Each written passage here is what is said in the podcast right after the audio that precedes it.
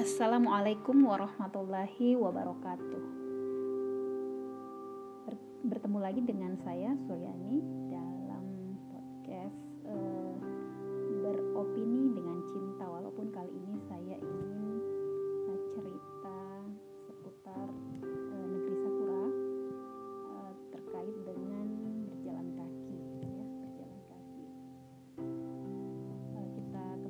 bersama bahwa Jepang merupakan negara maju yang masih memegang banyak prinsip hidup ala tradisional di tengah kecanggihan teknologinya.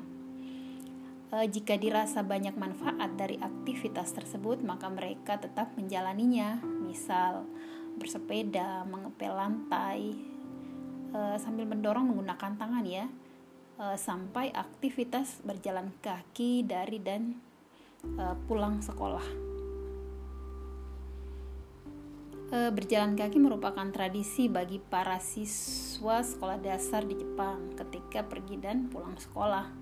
Hal ini karena sistem zonasi yang diberlakukan oleh pemerintah Jepang untuk semua sekolah, tak terkecuali siswa SD.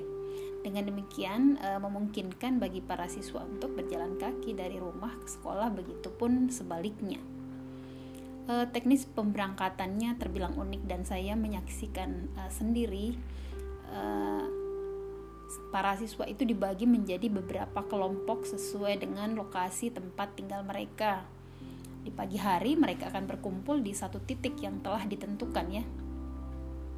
Setelah semua berada di titik kumpul, mereka berjalan dalam satu barisan, dalam satu sub, uh, sehingga tidak mem membuat lalu lintas menjadi terganggu.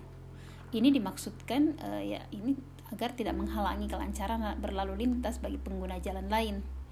Urutan barisan berdasarkan kelas. Satu orang siswa kelas tertinggi dari kelompok tersebut akan berada di barisan terdepan. Kemudian disusul oleh kelas terendah hingga tertinggi secara berurut ke belakang. E, kemudian setibanya di sekolah, para siswa disambut oleh beberapa sapa siswa kelas 6 dengan seremonial saling sapa untuk penyemangat begitu untuk uh, apalah ya uh, tos-tosan begitu ya. Setelah itu para siswa menuju kelasnya masing-masing dan melakukan aktivitas pembelajaran hingga sore hari. Jadwal pulang sekolah berbeda tergantung tingkat kelas, sehingga tidak ada kerumunan seperti pada saat berangkat, tetap berjalan kaki namun hanya sesama tingkat kelas. Kebiasaan berjalan kaki seperti yang dilakukan siswa SD di Jepang tersebut memiliki banyak dampak positif di antaranya menyehatkan dan menguatkan tubuh, mengurangi polusi, serta mengokohkan kebersamaan. E, sangat patut ditiru, namun perlu kerjasama antara semua pihak. Mengingat di negeri Sakura sangat minim kejahatan, sehingga kebiasaan tersebut e, memanglah sangat memungkinkan dilakukan. Jangan coba-coba jika kita berada di negeri yang keamanannya tidak terjamin, seperti negeri kita, di mana kejahatan mengintai di mana-mana, belum lagi kedisiplinan berlalu lintas sangat-sangat rendah. Sehingga untuk melakukan aktivitas ini perlu dipikirkan secara matang. Tak kalah pentingnya adalah memastikan jalur yang ditempuh saat pergi dan pulang sekolah aman, baik polusi terlebih tindak kriminal. Uh, plus sebagai seorang muslim tata cara berpakaian ketika keluar rumah menjadi hal yang wajib.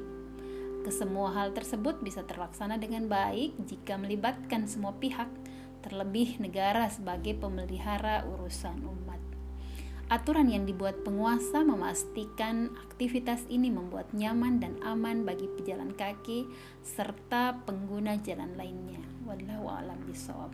Makassar 24 April 2021 Wassalam